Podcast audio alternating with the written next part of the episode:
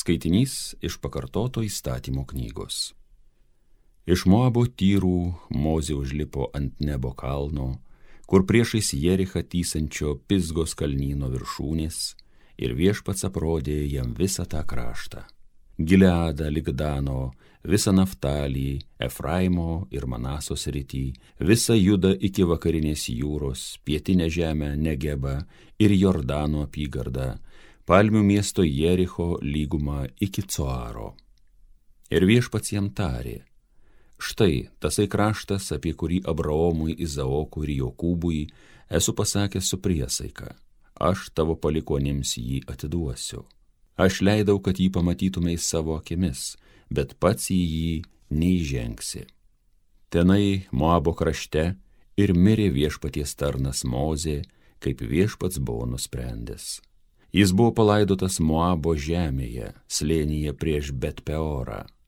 Bet ir po šiai dienai niekas nežino jo kapo. Jis mirė sulaukęs 120 metų.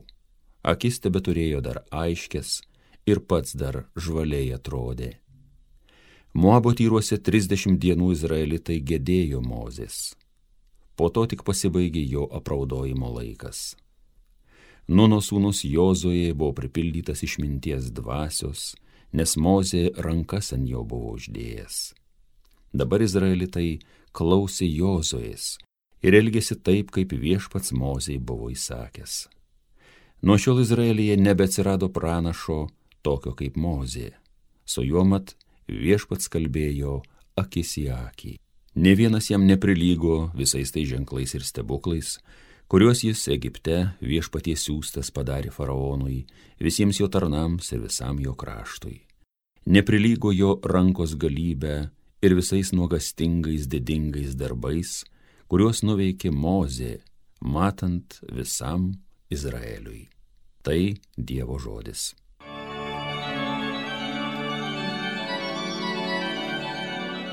Dievo išlovė, jis mums gyvybę gražina. Visi pasaulio kraštai sveikinkit Dievą, apie jo vardo didybę gėdokit, iškilmingai teikit jam šlovę. Dievui kartokit, o kokie tavo darbai stebuklingi. Dievui šlovė, jis mums gyvybę gražina. Eikit ir žvelkit į Dievo darbus, kiek nuostabiausių dalykų žmonėms jis padarė. O tautos, imkite garbinti Dievą, skelbkite jo garsėje šlovę. Dievui šlovė, jis mums gyvybę gražina. Ateikit visi, kurie gerbėte Dievą, pasiklausykit. Aš jums apsakysiu, kokių didingų dalykų man jis padarė. Šaukiausi jo, aš savo burną, mano liežuvis teikė jam šlovę. Dievui šlovė, jis mums gyvybę gražina. Alleluja.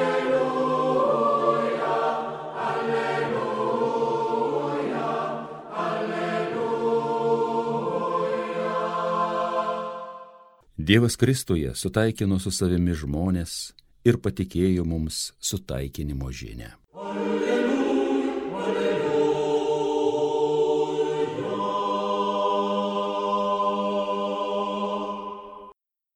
Pasiklausykime Šventojios Evangelijos pagal Matą.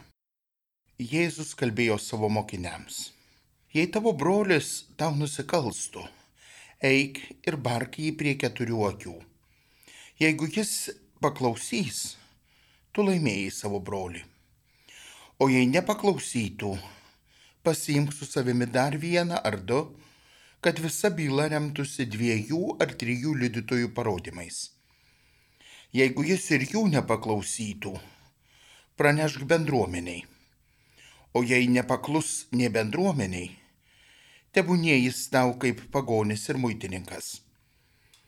Iš tiesų sakau jums, ką tik jūs surišite žemėje, bus surišta ir danguje. Ir ką tik atrišite žemėje, bus atrišta ir danguje.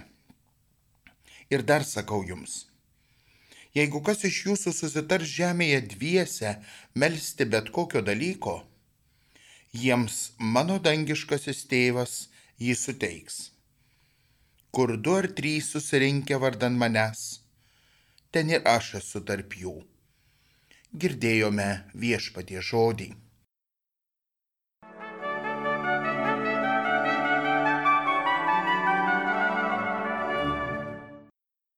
Brangus broliai ir seserys, mėly Marijos radio klausytojai, vasara mums iš tiesų vėl iš naujo suteikia tam tikrą galimybę gal kažkam pailsėti, kažkam atsipūsti nuo darbų, kažkam kitokius darbelius daryti, negu kad žiemą, pavasarį ar rudenį.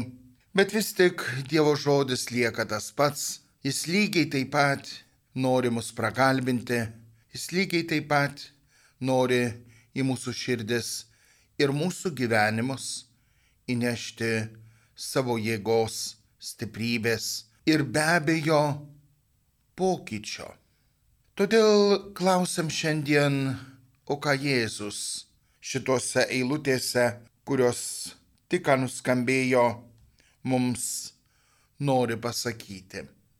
Labai aiškiai matosi, kad matas jau visiškai nebepagražina literatūriškai teksto ir į Jėzaus lūpas įdeda bendruomeninio gyvenimo, kuris jau mato Evangelijos rašymo laikais buvo pakankamai įsibėgėjęs, tai yra bendruomeninio krikščioniško gyvenimo e, peripetijas ir visa tai, kas tame bendruomeninėme gyvenime turi labai svarbę reikšmę. Ir reikėtų pradėti matyti nuo paskutinio sakinio, kur du ar trys susirinkę vardan manęs, ten ir aš esu tarp jų.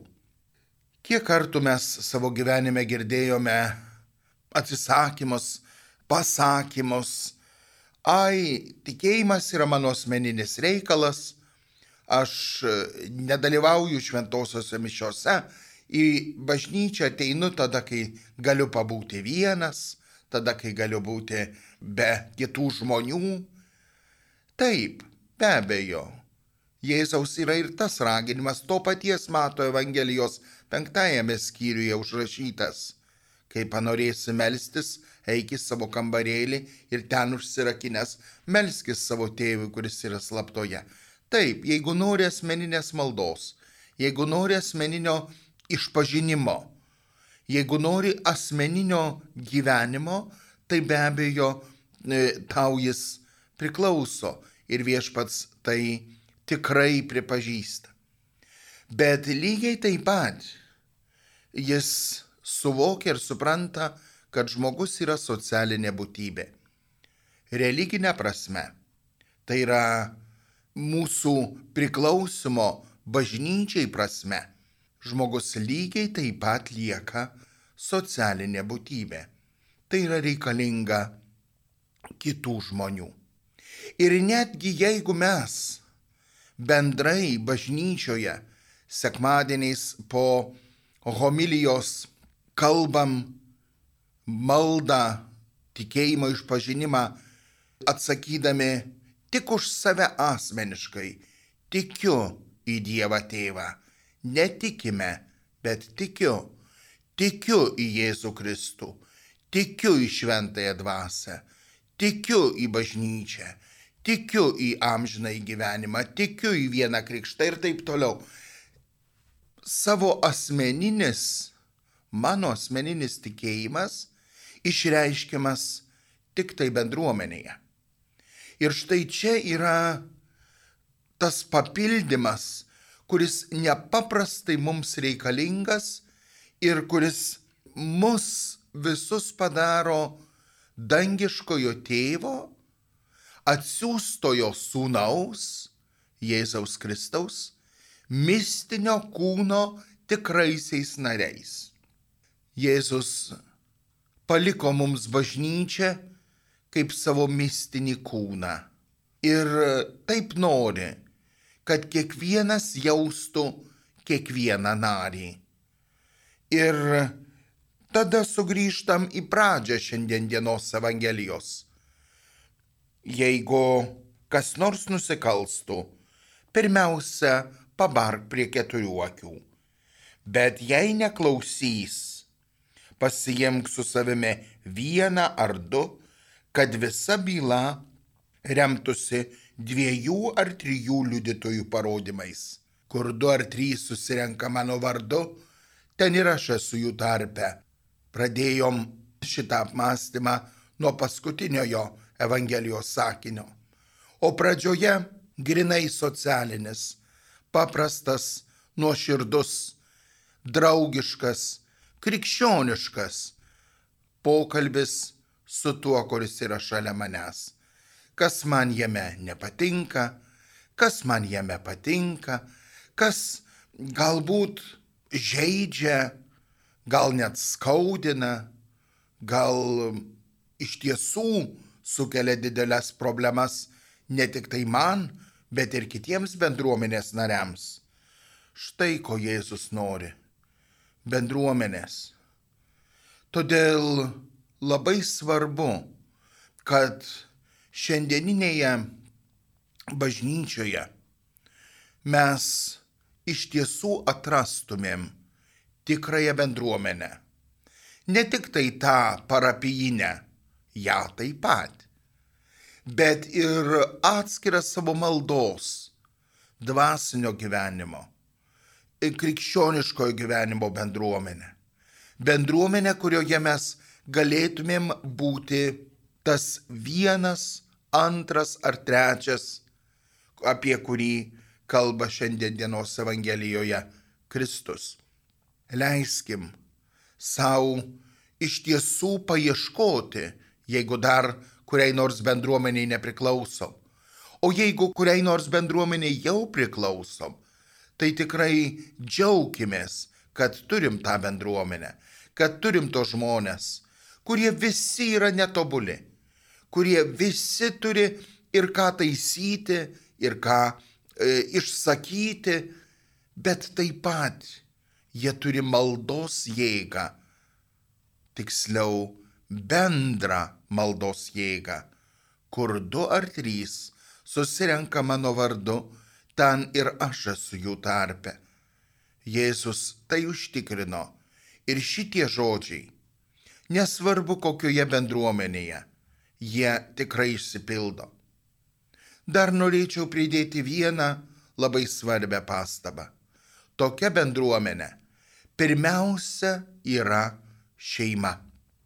Ir čia mes turim imtis semtis išminties iš šiandienos Evangelijos, kaip tvarkyti šią bendruomenę, kuri natūraliai susiformuoja bet kuri reikalinga ir maldos gyvenimo, kur du ar trys susirenka mano vardu, ir socialinių santykių sutvarkymo, kad visa byla remtųsi dviejų, trijų liudininkų parodymais ir viso to gyvenimo centras te tampa Jėzaus Kristaus asmuo, kuris ir pašventina kasdienybę, ir leidžia mūsų maldai pakilti taip aukštai, kad ji nuves mus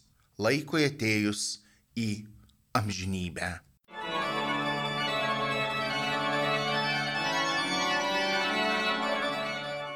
Homilija sakė kunigas Arūnas Kesilis.